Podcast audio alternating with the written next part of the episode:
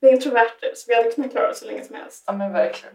Det, det är inte så att vi vill leva här. Alltså vi är ju de som kommer leva tills, ja, tills allting stängs ner. så kommer vi sitta där och läsa Agnes von Kruse och bara må. Det är möjligt att jag blev lite sentimental.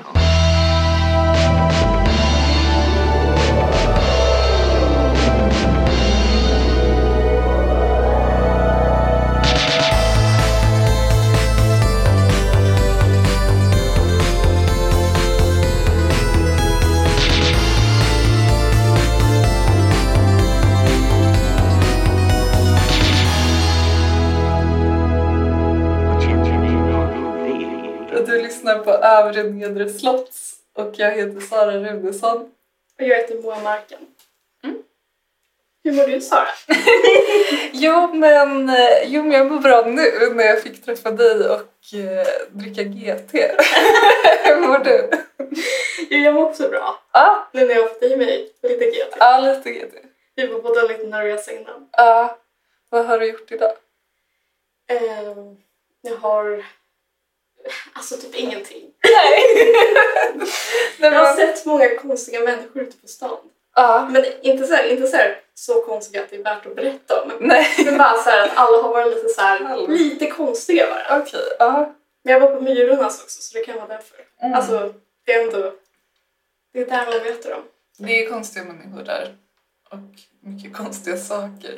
Jag köpte en Thomas Mann-bok. Mm. Eh, vad heter den? Felix Krulls eh, svindlerier eller något sånt där. Ja, Eh, och så killen som jobbade i kassan, ja. han bara är det här sån här chilleläsning eller?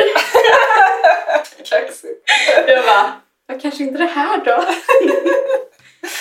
Vad roligt. Men jag hade en sån riktig så här, hemsk morgon och typ så här, lågintensivt drama som utspelade sig. Jaså? Eh, Eller för att det började med att jag drömde en jättekonstig så här, mardröm om att jag och Christian var på Gröna Lund av alla ställen Eh, och att vi skulle fira någon typ av årsdag Det blev inte så konstigt. Alltså jag tror inte att vi skulle fira en årsdag på Gröna Lund eh, med tanke på att jag inte varit där sedan jag var 15. Nej, jag fattar. Men mitt när vi är där så upptäcker jag att jag har noll kronor på kontot och han också. Mm. Eh, så då börjar jag så hetsringa till typ min mamma och till min syster och bara du måste låna mig pengar. Vilket också är så konstigt. Men jag, liksom, jag får inte tag på någon och det är väl bara så här, ja, sen så vaknar Men är ni inne på området då? Vi är inne på området och ska typ så här, Har ni Köp. köpt nej men det är det vi ska göra. Men det är då vi inser att vi inte har några pengar. Och bara, vi måste köpa det här jävla åkbandet. Och det är typ ganska dyrt Ja, också. det kostar väl kanske så här 500 spänn Ja. på. Ja men typ. Så det är ju ändå, alltså ja, men i alla fall. Sen så vaknar jag då och bara så här, gud, typ, vilken, vilken så här ekonomisk ångest. Alltså det är väl så uppenbart att jag är stressad liksom. Och sen Mm. så kommer jag på, jag bara, men gud, min lönespes har nog kommit nu. Mm. Så att jag går in på den här jävla appen där de finns eh, och så ser jag min lönespes eh, och den är på 6 000 kronor. Och jag bara, okej, typ så här, alltså jag vill typ gå och hänga mig själv för Mm. att det är så sjukt lite pengar. Eh, ja, nej men så jag går runt typ hela dagen och har lite så eh, angst. men, men sen vid tre så skickar de ett mail typ, att de har gjort något fel på HR. Gud vad skönt. Ja, Jag så- tänkte så här, det kanske ändå är, du jobbar så lite nu. ja, precis. Men dealen är ju... Men Ja. 6000 var ju ändå super, alltså det kändes ju inte rimligt. Nej, nej men jag bara, ja, nej men då har jag råd med hyran typ. Alltså, det är liksom, ehm, ja, nej jag vet inte. Så det var liksom en sån, det la sig som ett moln över hela dagen. Nej, jag fattar. Eh, men jag blev så lättad eh, sen. Men det kanske är förebådar dagens ämne om hemmafruar. Ja men kanske. Du kanske inte ska ha någon inkomst. Nej kanske inte. Ehm, Nej, men jag tänkte helt enkelt prata om varför jag inte kan bli lycklig som hemmafru.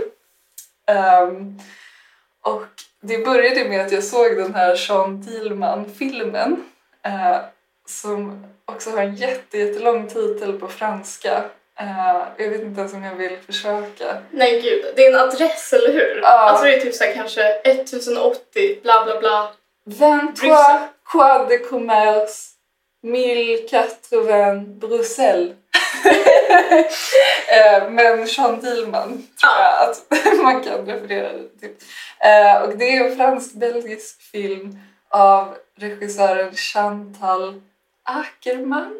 Ja, typ. Och det är väl lite av en typ feministisk kultfilm som jag har förstått det. Jag tänker att du kanske vet mer. jag såg den i höstas. Ja, Eh, och eh, jo men det är det väl?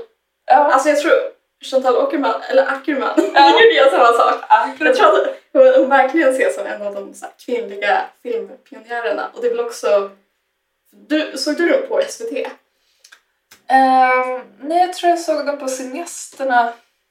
Uh, för jag tror inte den har kommit på SVT än. Eller har den det? Jag vet inte, men jag, trodde att det var, jag tänkte att den kanske var en del av... De har ju så här filmprojekt i sommar Ja. med kvinnliga regissörer. Precis, men jag tror att den kommer komma på SVT. För jag pratade om det med en annan kompis och hon bara "Ja, jag längtar tills den kommer på SVT. Mm. Men den finns nu på Cineasterna eh, i alla fall om man vill se den. Om man har ett inlogg där. Ja, om man har, och om man har typ tre och en halv timme över. Precis!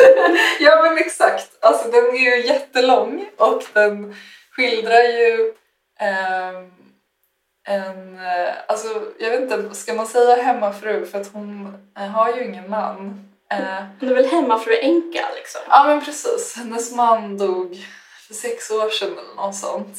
Eh, och hon försörjer ju sig då genom att prostituera sig eh, varje dag. Eh, och så har hon en son som är typ så här, går på gymnasiet eller någonting. Eh, men ja, den är ju otroligt långsam. Eh, men också så fantastisk, verkligen. Gud, jag älskar den. Ja, vad, eh, vad tyckte du var så bra? För jag tyckte det var så bra. Ja, Eh, nej men jag, jag tyckte bara, jag blev så hypnotiserad när jag såg den. Ja. Att, alltså, det skildrar typ tre dagar i hennes liv eller något Mm, sånt där. Och man får verkligen följa allt som händer hela tiden, alltså utan avbrott liksom.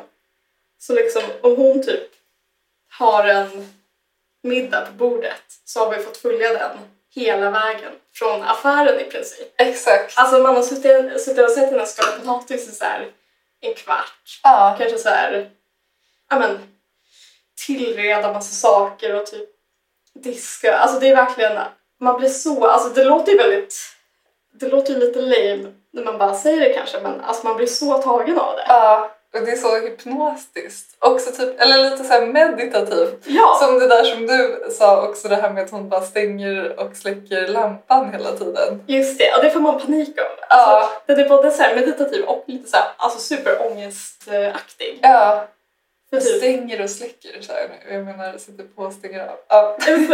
hon är väl så här hypermedveten om så här alla små kostnader och sånt där. ja, det måste ju vara det. Ja, så varje gång hon går ut ur ett rum så släcker hon alla lampor och typ stänger igen och eh, det är också mycket, jag kommer ihåg där när hennes son sov väl i vardagsrummet på så en utdragssoffa Ja, exakt. Så får man se när hon liksom klär ut i varje kväll. Ja, Det minns jag också var så liksom, jag fick ångest av det.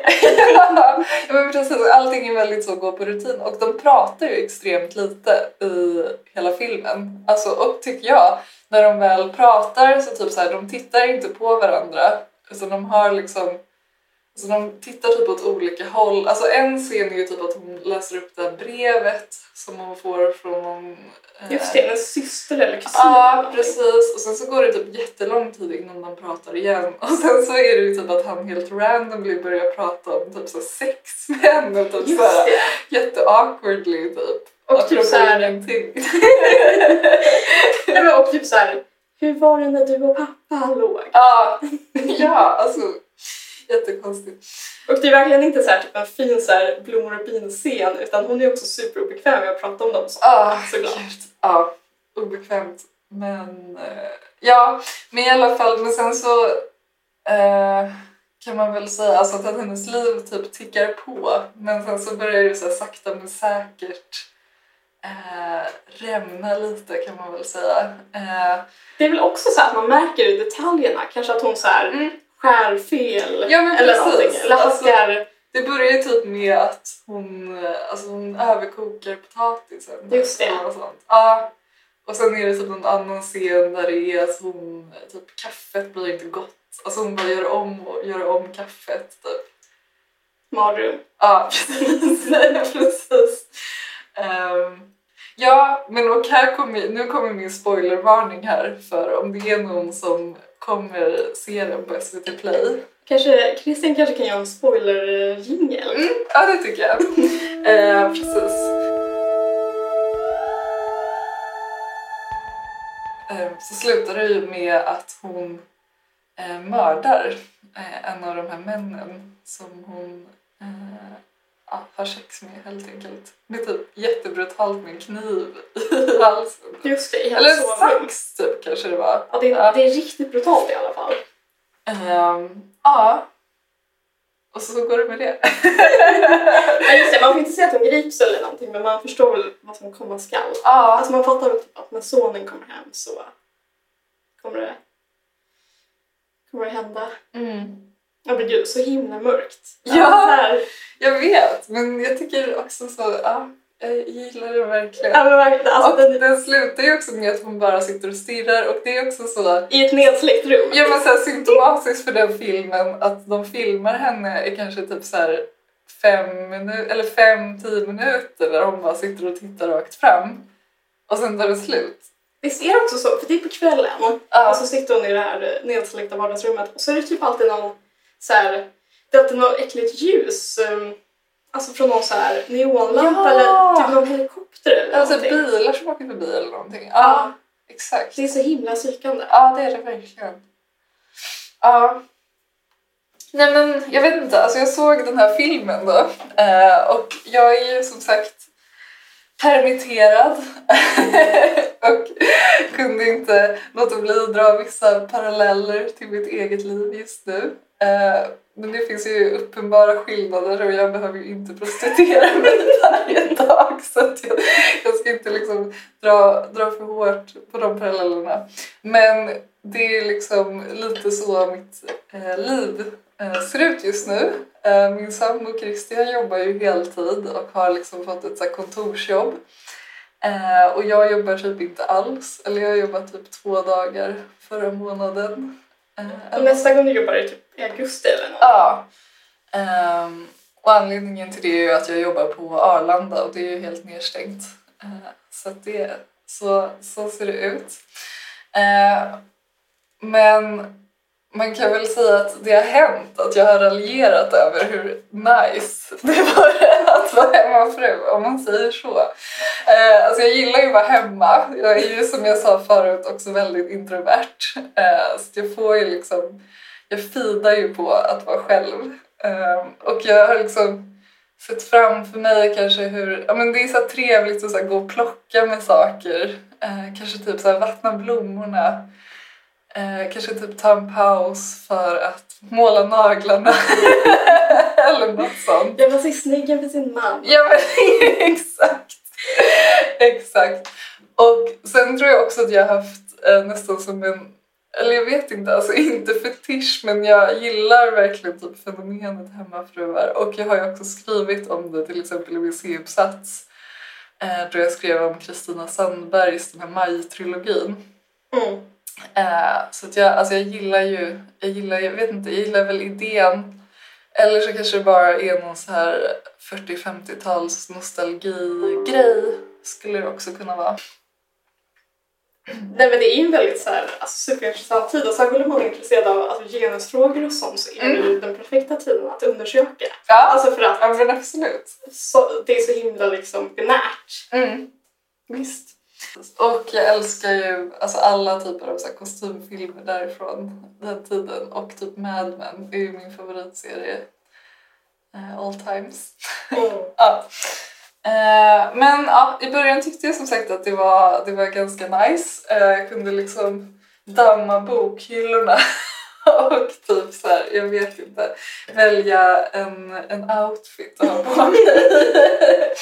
Eh, men den här permitteringen har fått mig att tänka om.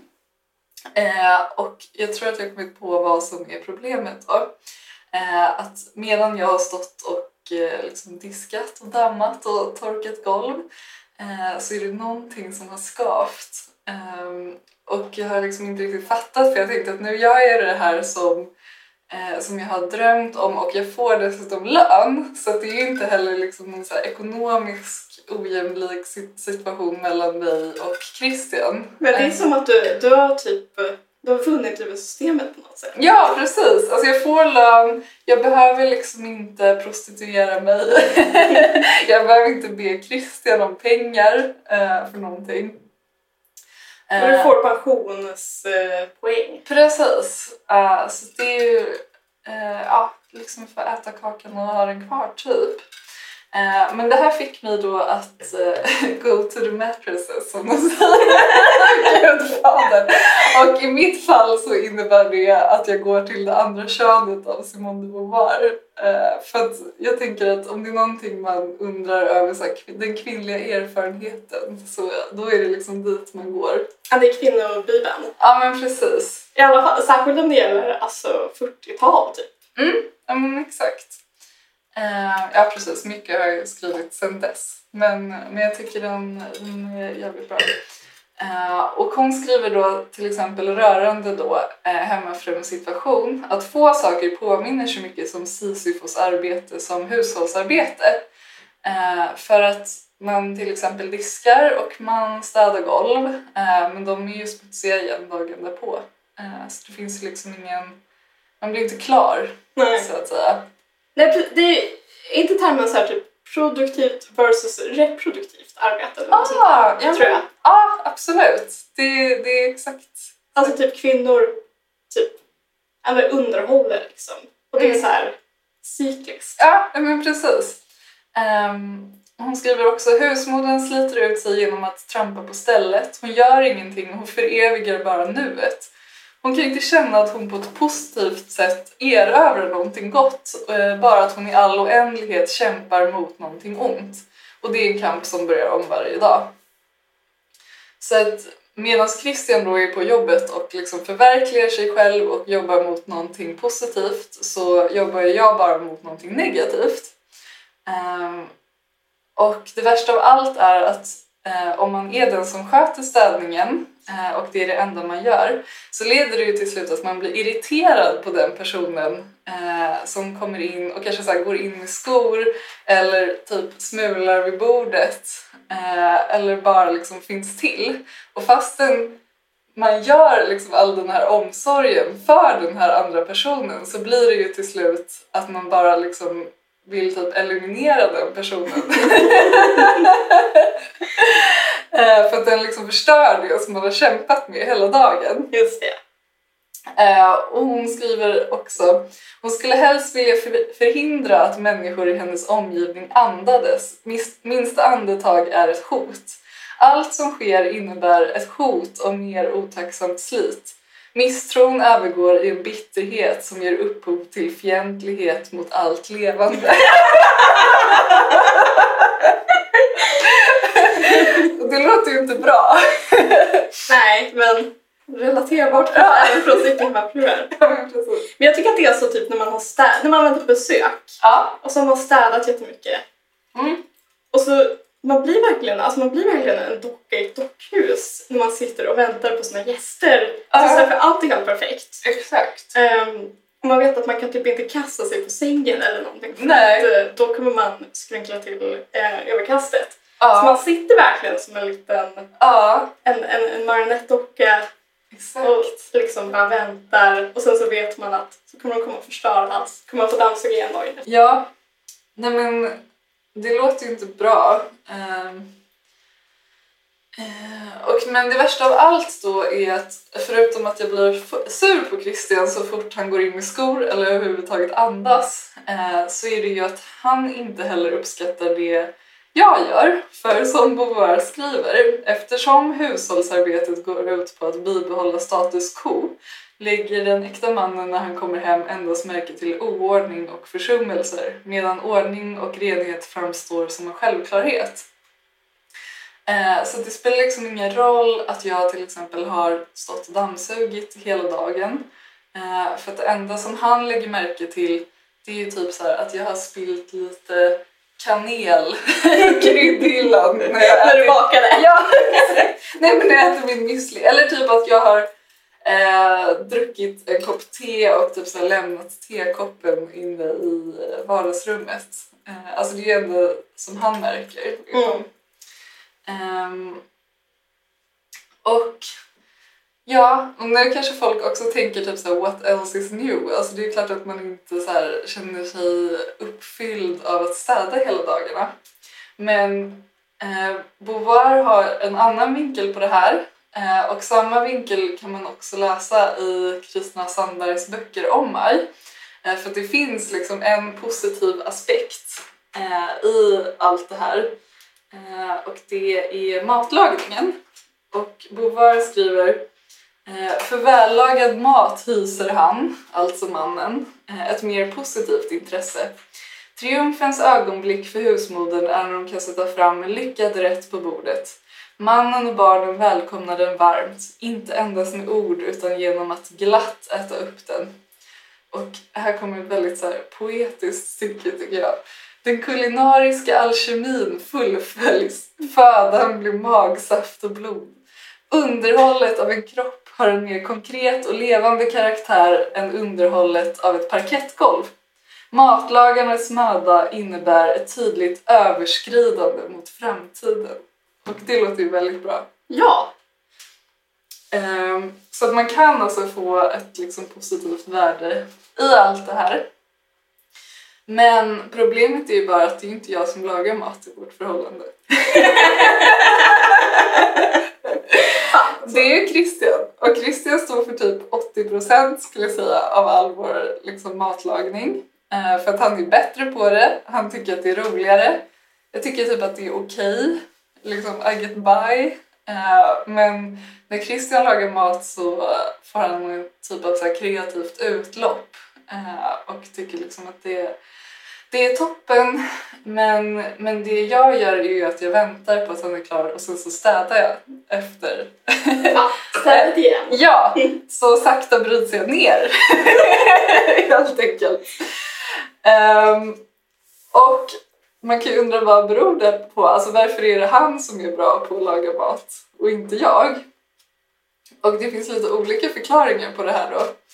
Eh, och Bovar citerar en fransk historiker som heter Jules Michelet. Och han skriver ingenting är så komplicerat som att göra en deg. Ingenting följer reglerna mer och är svårare att lära ut. Man måste vara född med det. Allt är en gåva från modern. Och det är riktigt sån maybe she's born with it, maybe it's Maybelline uh, moment. Eh, och jag kanske bara inte är född med det helt enkelt. Du har inte fått det av din mamma då? Nej men min mamma är jätteduktig på att laga mat. Eh, men, men jag har uppenbarligen inte, alltså det har bara inte kommit till mig. Jag fattar. Enligt den här teorin. Det är som en sån där latent gen som hoppar över igen. Ja men exakt, exakt. Eh, och Christian har ju en mamma som är helt fantastisk på eh, att laga mat. Så jag tänker att han kanske helt enkelt bara har eh, fött med det. Så det är eh, då var resultatet om eh, kulinarisk alkemi eller vad det var. Ja. Jag applicerar på Christian. exakt, exakt, exakt.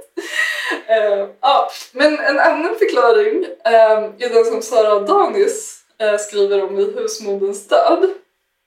För att i den essän, då den första essän i den boken, eh, så skriver hon att anledningen till eh, att, eller i och med att husmoderns tid då är slut eh, så har matlagningen också avmaskuliniserats. Och det kan ju låta lite motsägelsefullt då. Eh, men hennes poäng är liksom att när husmodern härskade över köket så var det liksom mer på liv och död för att det var hon som så här, spikade upp en ål på väggen och flodde den och typ så här, stack en kniv mellan ögonen i hummern. Eh, så att hon hade liksom någon sån, hon rådde liksom över en så maskulin kraft typ över liv och död. Om du hänger med. Hon var Queen of the Castle, som Ja. man i Seinfeld. Ja men exakt. Ehm, men nu, som det är nu, så eh, har matlagning avmaskuliniserats. För att liksom det enda vi gör är ju bara att köpa så färdiga filéer med kött. Eh, och det är liksom ingen som spikar upp en ål på väggen utan man köper den bara rökt på Östermalms saluhall. eh, och i och med det så har liksom andra förebilder än husmodern dykt upp. Eh, och det är då manliga sådana. Som till exempel Per Morberg och Plura typ. Skriver Sara Adonius om dem? Ja, Jag vill bara, det, det är en sån himla bra essä. Alltså hon skriver så fruktansvärt bra. ja jag vet! Den Men det är bara sidospår. Nej men bra sidospår. ja, hon hade alltså dem som exempel. Eh, ja men och nu riktas ju liksom deras kokböcker till män och de lär sig typ så här jaga och stoppa korv och så vidare. Eh, och det har liksom i sin tur lett till att vi kvinnor har bara så här gett upp och liksom det vi på vår höjd får göra är typ så här garnera cupcakes till lila bakar eh, istället. Eh, och det som slår mig, som en av våra lärare brukar säga, det är att jag är minst lika skyldig till det här som någon annan eh, när jag rannsakar mig själv. Eh, för då, när jag tittar ut här över vårt kök eh, och kommer att tänka på vad jag har gett honom i födelsedagspresent de senaste åren. Och då är det ju då bland annat en pepparkvarn i ek från Per Morbergs eget märke. Såna skinnförklädda också. Jag har inte ett skinnförkläde, men ett förkläde från Björn Franzén. Gud, gör han? Det måste jag köpa till min pappa. Ja, exakt. Hittar du på Åhléns. eh, och ett stycke dyr stekpanna för 1200 spänn från det italienska märket Ballarini som har en, och jag citerar, helt ny teknologi med en kombination av att vara en traditionell non-stickpanna med ett helt nytt ytskiktsmaterial av stenmineraler. Dessa naturliga mineraler gör att det blir en krispig stekyta på maten, precis som om du skulle steka på en sten. Och med det här liksom track recordet som jag har så inser jag att jag är bara ett steg från att köpa Jamie Olivers pizzasten äh, till honom. Finns det såna? Ja, det finns. Ehm, Vad är en som pizzasten? Kan vi bara prata om det? Alltså jag har Ja. aldrig hört om det. jag Man, man har om man- stenugnspizza, Ja, men då är det ändå en ugn. Men där är det bara en sten. Jag tror typ att man lägger stenen i ugnen. Alltså man har själva pizzan. Alltså så det är som en pizzaformad platta typ. Eller nej, gud jag ska inte uttala mig om det här. Jag vet faktiskt inte. Men så är du ingen kille eller? Nej, jag är inte det. Ehm, ja. Nej, men så att jag inser att liksom med de här gåvorna då eh, så har jag bidragit till mitt eget liksom förfall i det här och liksom ännu mer till husmoderns död och olycka. Och jag frågar mig om jag helt enkelt kommer att sluta som Jean Dielman. Det vill säga, när jag märker att jag varken kan koka potatis eller kaffe längre och jag har inte ett jobb att gå till så kommer det liksom bara sluta i ond bråd död. ja, vad tror du? Eh, jag väljer att inte kommentera det. Nej, okej. Ja, nej men, nej men så därför. Men jag tänkte, såg du någonsin på den här Mrs America? Nej, det gjorde jag inte. Nej, Men jag har hört mycket om den. Ja, för den handlar ju också om eh, typ, alltså när de börjar kämpa för så här, equal rights amendment i USA. Eh, och så är det då, vad heter hon nu igen? Jag har glömt bort vad hon huvudpersonen... Och så spelas av Kate Blanchett. Ja, eh, ja men hon Det är är... säkert såhär, Mrs Ryder. Ja men typ jätte, jätte nära tror jag. Men hon eh, var ju någon sån förespråkare för att så här, kvinnor skulle stanna i hemmet och hon var emot den, eh, det tillägget. Och hon hade alltid som så argument att så här, I'm a, alltså jag har sex barn typ och jag är en homemaker. Men i själva verket så var hon ju typ så här Hillary Clinton i så här Jag har arbetsinsats. aldrig sett sina barn. Nej men typ. ja, men det är intressant i alla fall. Ja, verkligen. Men nu apropå corona så känns det ändå som att det har blivit så här, typ alla har ändå ett så här spirande matintresse, mig själv inkluderat. Ja, bakar du också bananbröd? Nej, det gör jag inte. Nej. Alltså, skjut mig där. Men däremot så fyllde jag 25 för en månad sedan då önskade jag mig en sån Le Creuset-gryta Åh! och fick det.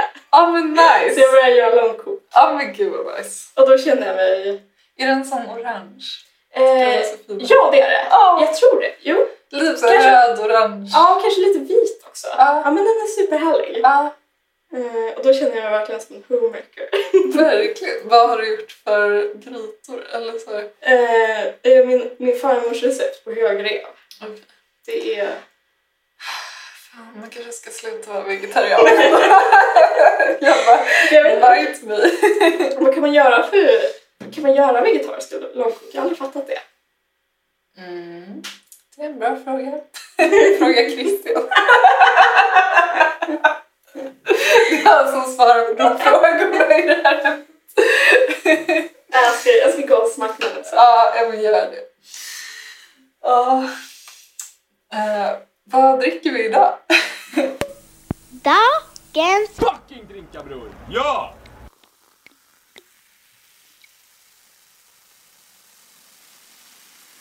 Vi dricker eh, gin and tonic. Vad eh, gott. Vad är det för, vad är det för tonic? Det är någon persika... Ja, det är någon persika. Den heter typ så sweet tonic eller någonting. Ehm, jag tyckte den var väldigt god. Jag började också så här... Men jag typ bara spontant köpte en flaska gin på systemet. Gud vad, du ska också göra, eller jag har sagt det i typ en månad så du kommer Ah. inte vara spontant köpa. Men jag ska, men, jag ska ändå gå och köpa en flaska. ja.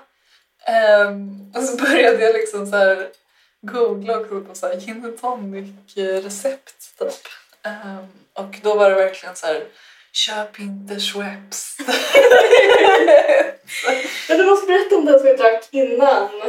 Ja, nej men då gick jag också på Ica och så sålde de sån här San Pellegrino med smak. Eh, alltså typ eh, citron och så finns det så apelsin också. Mm. Och det var så gott. Ja, men jag känner mig nöjd för jag bara gud undrar hur det smakar med gin. Och det var väl ändå en... Ja, fantastiskt. Ja, Det smakar, vi pratade det, det, pratade precis, eller det smakar precis som eh, sån citronfanta som man kanske drack Mm. när man var på semester när man var liten. fast med sprit. Vilket det hela mycket bättre. Var det ändå säga. bättre. Ja. Eh, så det var, ja, men det var både en, en nostalgitripp och en, en bra sup så att säga. Ja, men Och det är ju allt man kan begära egentligen. Ja, visst. Jag tror också, vi kommer prata en del Tre av fem, eller? Ja, men tre, tre och en halva skulle jag säga. Ja, men det känner mig nöjd med. Det kanske ska till någon typ, det kanske ska till någon sån här mynt eller något skit för att det ska bli fyra. Men det är ju alltså, Ja. men det är ju bara liksom garnityr. Men många har väl typ så gurka i också och sånt. Just ja. Men jag vet liksom inte riktigt. Ska Och man bara lägga i. Ja, men jag blir så här, ska man bara lägga i en gurka eller ska man liksom tänka... tänka... Vad skulle Christian göra? Ja, exakt. Det kan också bli ett inslag.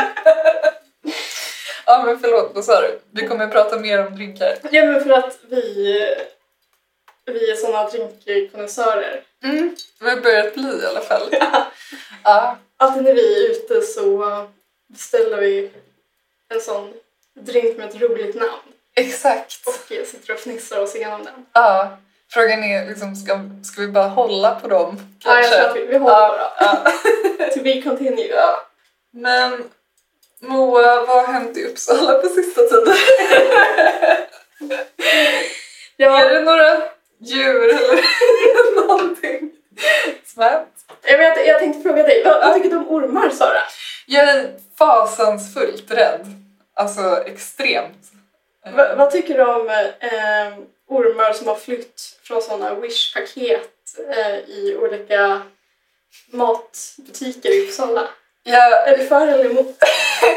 alltså fast, alltså det naturliga nu vore ju såklart att jag sa emot eh, eftersom att jag hatar ormar. Eh, men det har ju ändå gett någon, alltså det har ju livat upp lite Ja, med, säga. med alla de här skriverierna. Ja, Man känner att Uppsala lever. ja verkligen. Det är liksom... Det är kokpunkter. Smält degen. Jag kanske ska redogöra för vad som har hänt. Ja, det tycker Eh, jag. Många kanske inte bor i Uppsala. Nej, och ja. folk i Uppsala kanske också har bättre saker för sig än att sitta och läsa. Scrolla UNT. Ja. ja, absolut. Okej, ja, men det som har hänt är detta är att någon i Uppsala beställde ett paket från Kina ehm, Mm. och måste ha öppnat det på alltså, själva ombudet antar jag. Ja, okej, var det så? Jag antar det. Ja. Eh, jag, är inte, jag har inte alla fakta i målet. Nej, men alltså verkligen inte jag heller. Men ehm, och så innehöll det paketet en, kobra, en kinesisk kobra tydligen. Som nu har rymt och är lös i den här butiken. Och kanske i övriga Uppsala. Ah, för fan alltså. alltså. Men det, jag, typ aldrig, alltså jag, jag antar att jag är rädd för ormar men jag har typ aldrig sett en orm. Alltså kanske typ ett terranium eller någonting men jag har aldrig sett det. Och kanske typ en, en snok. Nej En men då tror jag inte att du är rädd. Alltså för att för mig spelar det ingen roll om jag har sett en i verkligheten eller inte. Det är fortfarande en av mina största rädslor. jag förstår, men jag tycker att, alltså det, jag fattar att man skulle få panik om man såg en. Ja. Men ingenting du går runt och tänker på. Nej, men jag är mer fågelorienterad. Ja, så- Just det. Ja, nej men man har ju sina olika liksom. Men jag vet inte, jag pratade om det med Christian typ så sent som igår. Eh, att, alltså, jag tror att det jag tycker är så obehagligt är att den har liksom ingen ben, men den tar sig fram ändå. Eller det är som en av... Det känns naturvidrigt bara. Ja, jag fattar. Och så, de är kallblodiga väl? Eller? Ja, ja, exakt. Men jag tycker det äckliga med fåglar är att de har ben. Och vingar. Ja, de har både och. Ja, de liksom, de är så överlägsna. ja, ja, det är sant. Ja, men och sen har jag också, du vet, kanske typ så läst eller du vet, man kanske har sett någon så bildspel på typ så boardpanda.com där, så här, där, där liksom det kommer upp en stor så här orm i typ av... Alltså det kommer upp en orm i toaletten och det här har liksom bara så fastnat.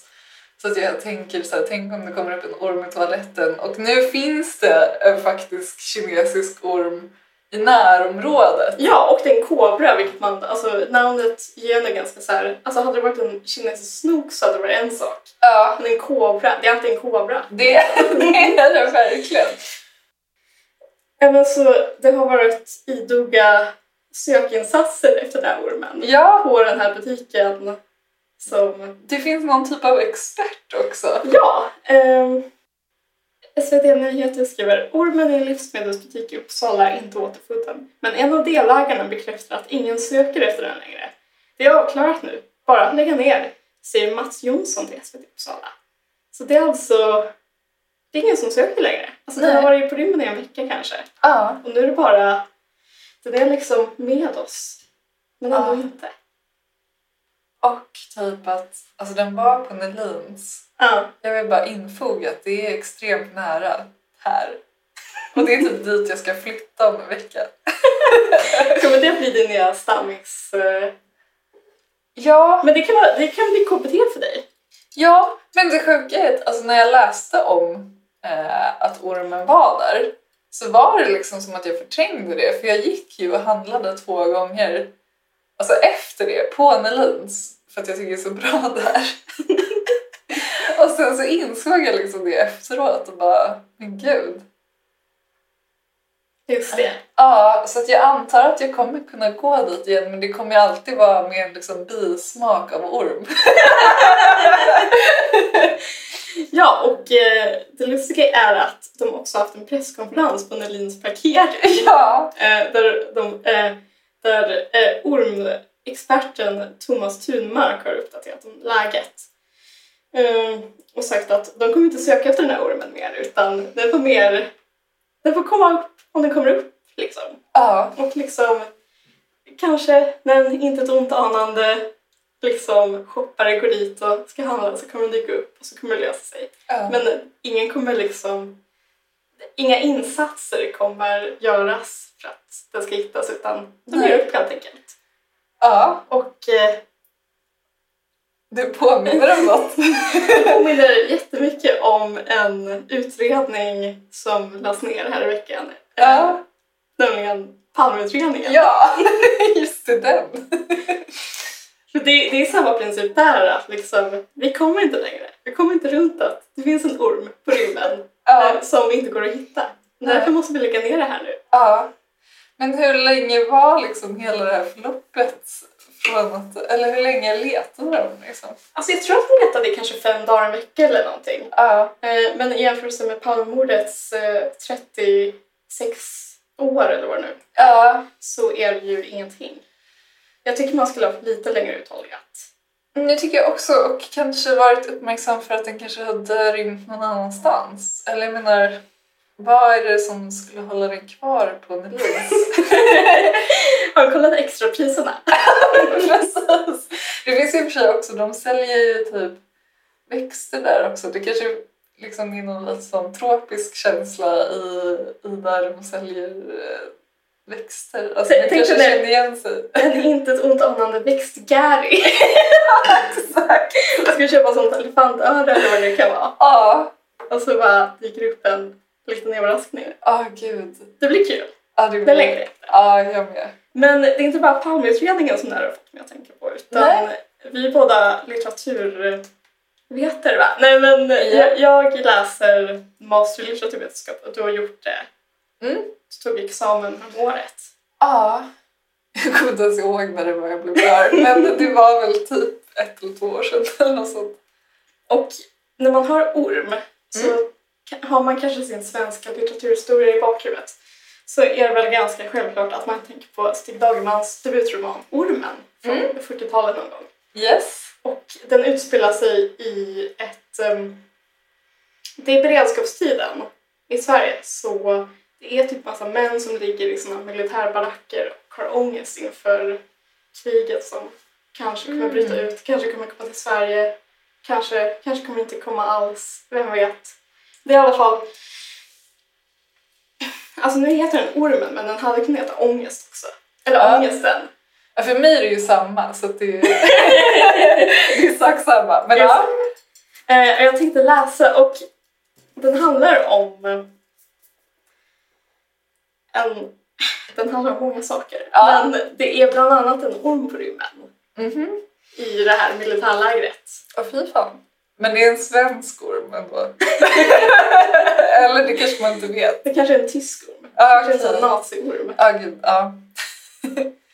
Men och eh, ingen kan sova för att alla ligger och har ångest över den här ormen som Ah. kanske... För att det är en orm som har rymt ja, men i lägret så att säga. Eller inte i lägret, men i... Alltså på typ kasernen. Ja. Eh, och frågan är, kommer den komma tillbaka? Kommer den inte komma? Det är, det är så många frågetecken va? Ja, Och nu verkligen. tänkte jag läsa ett litet stycke till att börja med. Det här är alltså en som upptäcker ormen. Eh, hela hans kropp drog ihop sig till en enorm muskel av skräck. Buskagen kom krypande mot stenen på sin giftgröna buk, på sina giftgröna bukar. Förlåt. Um, så gjorde de halt framför en avdelning snustorrt ris och riset öppnade sin buk och blottade en grå reptil med väsande tunga.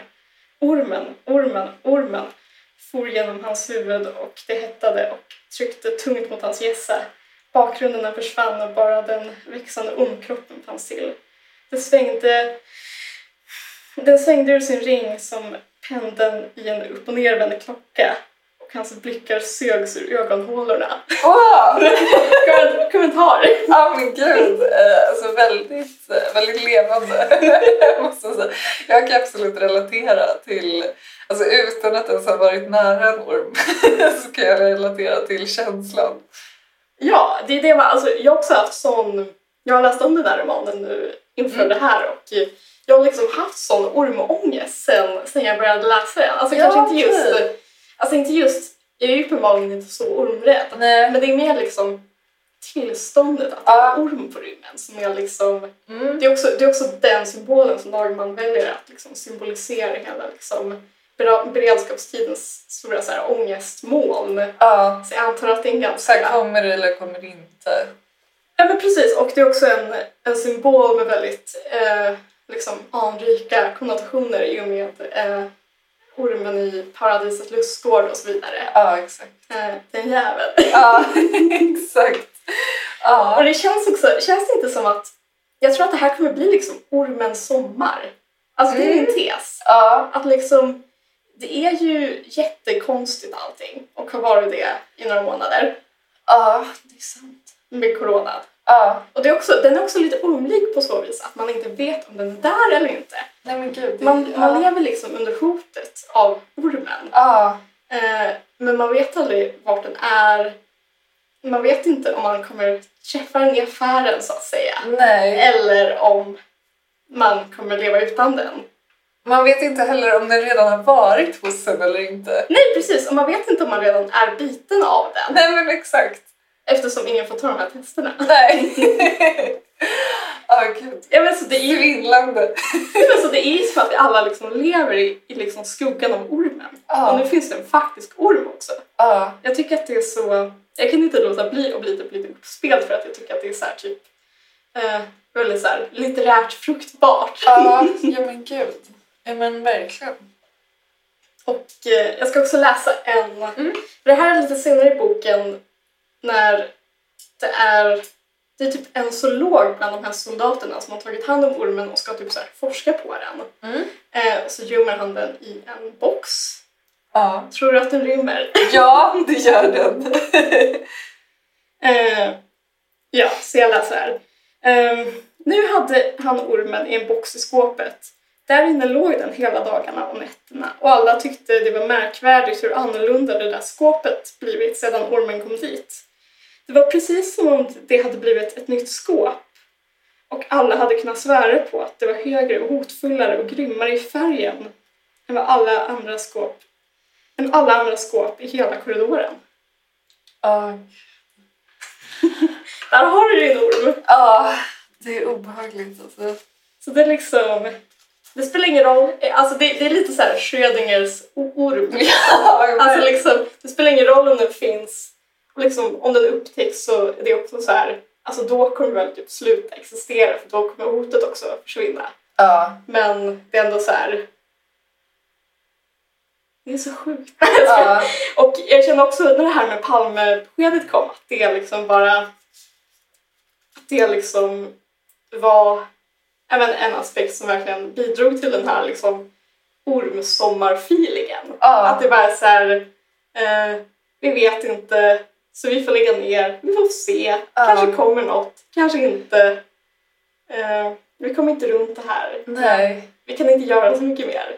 Jag tycker det är en så himla bra spaning för att nu, nu när du bara radar upp det här så känns det verkligen som att det går Alltså det går ju en rak linje mellan Sveriges coronastrategi att man liksom bara så här ja, Nej precis. jag ser hur det går till liksom nedläggandet av Palmemordet som ju bara var alltså tycker jag som det känns bara ett antiklimax där det var lite så här ja, Ja men precis. det kan vara så.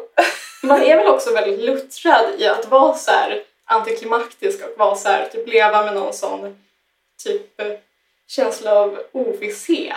Ja, Alltså det, dels är det väl en väldigt så här, typ modern upplevelse som jag kan tänka mig präglar massor med moderna samhällen. Men det känns också väldigt svenskt liksom. Eller så här, ja, vi har Palmemordet, ja. nu har vi coronan. Ja, och Så ormen som självklart inte hittades på Nelins.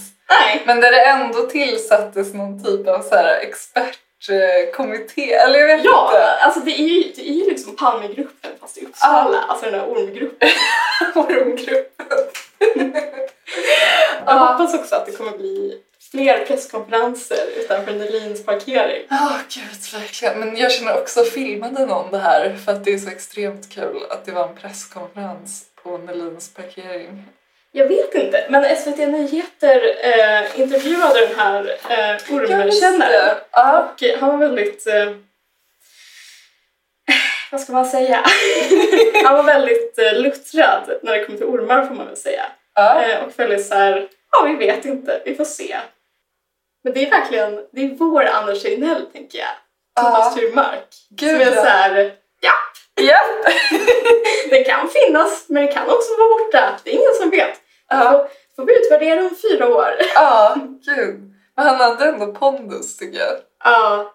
Eller ja. Jo, men han hade sån hantverkarpondus liksom. Mm. Och det, jag, vet, jag är ganska, inte svag, men jag känner att jag har lätt att och, och, och ta, dem, ta dem seriöst. Liksom. Så jag, jag tänker att han har liksom, han vet vad han talar om. Ja. Man skulle inte vara liksom ormsanerare annars. Nej, men han kan sitt skrå. Men eh, det han sa om att liksom, nu står vi här med en fot i varje läger, det är också, han syftar inte bara på ormen va? Nej. Det är också, Det är liksom världens tillstånd. ja och särskilt, särskilt svenskarnas och Ja. särskilt Uppsalabornas tror jag. Ja. Så det är liksom ja, men, nådens år 2020. Ja. Ormens år. Ja, or- och ormens sommar känner jag framförallt. Ja. Ja men jag tror att eh, vi alla... Ja, det här kommer ju liksom... Den här nyheten kommer ju inte vara liksom eh, högst upp i nyhetsflödet hela sommaren. Verkligen inte. Men jag tror ändå att det alltid kommer finnas där. Ja. Alltså på det här liksom dagermanska ångestsättet att eh, man kan aldrig liksom fri... Alltså man kan inte frigöra sig från någonting som man inte har konfronterats med.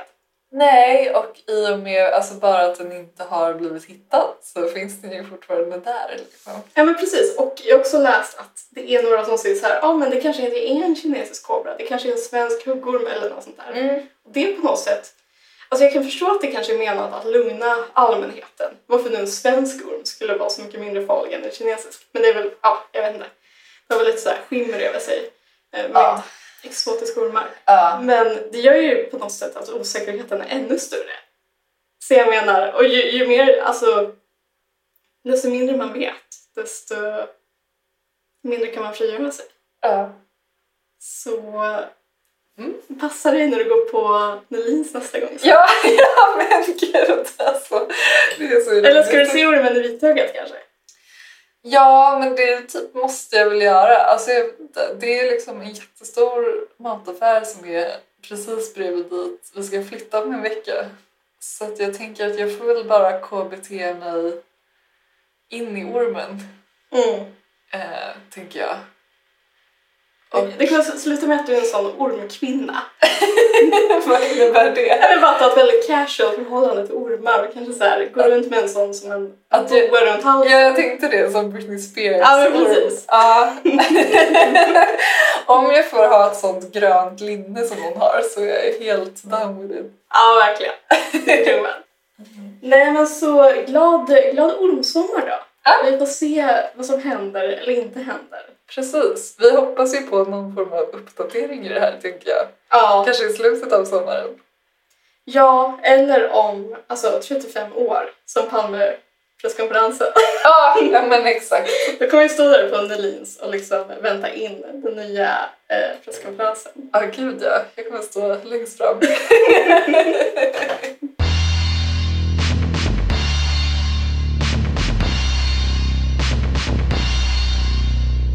Vad läser du just nu? Jag läser eh, Fattig adel av eh, Agnes von Krusenstjerna. Det är så coolt. Är, den så här jättemånga band eller? Den är fyra band, men Okej. den är väl också oavslutad vilket gör att... Ah. Alltså jag är bara på första bandet nu. Ja. Eh, men jag vet inte hur många det skulle bli, men kanske något till. Ja. Men, ja, men den är mastig. Men förra, förra sommaren läste jag den Fröknarna von Palen-sviten. Ja. Den är ju typ sex sju böcker. Ah, shit. Och det, det är också den perfekta sommarläsningen. Ja.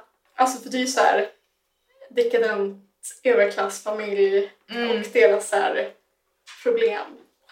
Finns det något bättre? Alltså, och det är också väldigt mycket så här sekelskifte och sånt mys. Ja. ja, det är ju trevligt.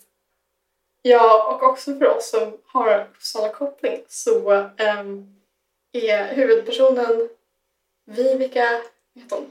från Lagerkrona, Ja. hennes mamma, Sofie Lagerkrona, född McDougall. det är väldigt viktigt. Ja. Är uppvuxen på Uppsala slott. Mm. Och eh, hennes ungdomstid skildras eh, lite kort. Liksom. Ja. Och det är väldigt... Eh, nej, men det, är, det är mycket det här det är mycket det här Uppsala som man har hört om men som man aldrig har sett röken av. Det vill säga typ eh, storslagna baler, Ja. kanske gejer Ja. och så vidare. Exakt. Medan vi får bara liksom brödsmulorna av det. Ja. Så den, den läser jag och kan rekommendera. Vad läser du för någonting? Eh, jag läser just nu fortfarande Den amerikanska flickan av Monica Fagerholm. Eh, jag har hållit på med den extremt länge. Jag vet inte varför. Eh, jag tycker den är jättebra. Så det har liksom ingenting med att den är dålig att göra eller så. Eh, men jag har ju haft ett litet Monica Fagerholm-projekt. Eh, typ den här sommaren. Eh, så förutom de jag inte redan hade läst så läste jag då den här Diva eh, och sen nu den här. Ehm, men jag tycker att den är superbra. Alltså min favorit är ju Underbara kvinnor vid vatten som du också har läst. Mm. Och Diva tyckte jag var li- inte lika bra. Eh, men i Den amerikanska flickan tycker jag att hon är liksom tillbaka i sitt esse. säga. Hon är mycket, eller jag har ju bara läst en bok av henne, men Ja, jag har läst hundra. Men hon är väl mycket en sån stämningsförfattare. Ja. Liksom. Ja men verkligen. För så var det extremt mycket underbara kvinnor i vatten i alla fall. Ja, Att det var liksom, och det är ju också typ 60-tal. ja, alltså också Ja. kostymdrama-feeling. Precis. Och lite hemmafruar kanske. Ja, och så här Finland. jag gillar ju det liksom. Men jag tänker att jag kanske någon annan gång jag kan prata lite längre om Monica Fagerholm. Men, eh, Ja men gör det. men eh, superbra bok i alla fall. Ja, ja, men kul.